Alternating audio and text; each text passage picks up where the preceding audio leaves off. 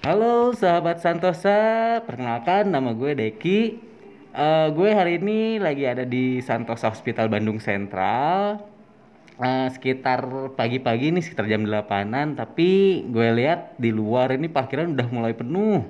Malah susah banget tadi nyari parkiran. Oh iya, sobat Santosa, maaf banget nih suara gue agak agak keganggu gimana gitu ya. Soalnya di era new normal ini harus dan wajib pakai masker. Ya, kita lanjut aja. Kebetulan gue lihat nih ada kayaknya mobil direksi atau manajemen nih baru parkir nih. Jadi kita langsung sapa aja ya. Halo, Dok. Dengan Dokter Hasan kan yang eh, Wakil Direktur Medis dan Keperawatan Santos Hospital Bandung Sentral. Halo, iya Kang Deki, apa kabar? Baik, Dok. Dok, eh gini, Dok. Saya mau nanya nih, Dok. Ini kalau mau masuk ke Santos Hospital Bandung Sentral ini lewat mana sih, Dok? Karena eh, gede banget nih rumah sakitnya. Saya jadi bingung nih mau lewat mana. Eh, Santosa Hospital Bandung Sentral nih sekarang kita hanya membuka tiga, tiga pintu nih Kang Deki. Tadinya kita punya 9 pintu.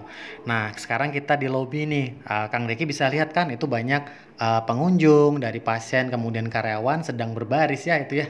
Udah kayak bebek ya mereka berbaris. Nah, di situ mereka harus melakukan hand hygiene ya. Jadi Oh, cuci ya, itu tangan. gimana tuh, Dok? Cuci tangannya, Dok, prosesnya. Eh, Kita kita boleh tahu. Oh boleh. Kita menyediakan uh, hand sanitizer ya. Jadi sebelum masuk harus menggunakan hand sanitizer. Kemudian ada petugas kami memastikan semua pengunjung, baik uh, karyawan, pasien dan keluarga menggunakan masker. Nah, nah, mau nanya lagi nih dok, buat hand sanitizer gitu, ada cara khusus nggak dok? Cuci tangan atau kecek-kecek doang gitu atau gimana dok?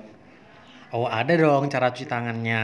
Cuci tangannya itu menggunakan standar WHO, yaitu dengan cara 6 langkah. Seperti ini nih caranya nih.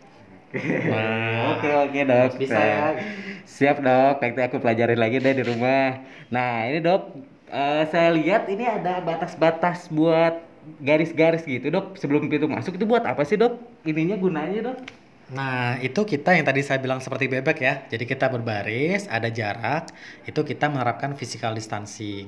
Jadi sebelum masuk berbaris, tadi hand hygiene, dicek harus menggunakan masker. Kemudian itu kan melihat tuh ada perawat tuh di situ berdiri. Nah, perawat itu melakukan eh, scanning suhu tubuh. Oh, scanning itu buat apa tuh dok? Gunanya dok? Nah, scanning suhu tubuh itu adalah salah satu bagian dari eh, screening pengunjung. Jadi kita pastikan pengunjung tidak demam. Nah, kalau untuk yang demam itu gimana tuh dok? Atau misalkan eh, lagi ada gejala batuk nih, kayak saya nih agak-agak ini dok, tenggorokan lagi nggak enak nih dok, takutnya gitu kan. Pas di screening ternyata ada gejala-gejala kayak gitu, gimana tuh dok prosesnya dok? Waduh, saya jadi takut sama Kang nih. Kudu mundur dikit ya, dikit ya.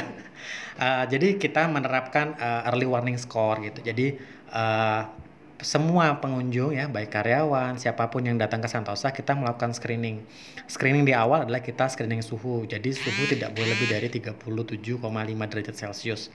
Nah, kemudian eh, kita akan melakukan beberapa pertanyaan, apakah sedang demam, dem- apa sesak, kemudian batuk. Nah, ketika ada gejala-gejala ringan seperti itu, nah nanti pengunjung tersebut akan diarahkan ke meja yang di sebelah situ tuh kelihatan ya. Nah, iya Ada tuh meja mejanya itu. ada perawat juga tuh dok, lagi nulis-nulis. Itu apa sih dok yang ditulis sih dok?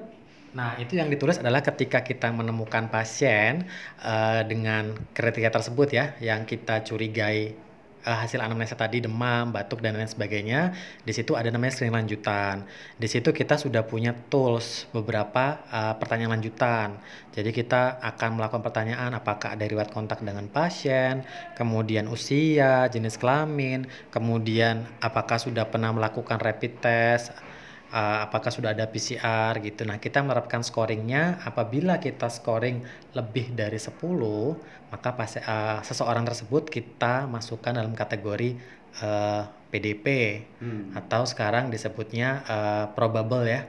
Nah. Jadi orang-orang yang seperti ini itu akan uh, kita akan jemput oleh petugas kami. Kita punya perawat infeksi yang akan menjemput, kemudian akan kita antarkan di gedung sebelah nih ada tuh. Jadi di Oh, area jadi parkir timur itu Aman ya dok ya? kita Aman ya aman, nggak usah khawatir. Kita- sama pasien-pasien yang lain ya dok ya? Iya Yang- benar. Hmm, Jadi oke, kita akan arahkan pasien ke uh, Poli Permata yang ada di area parkir timur ya.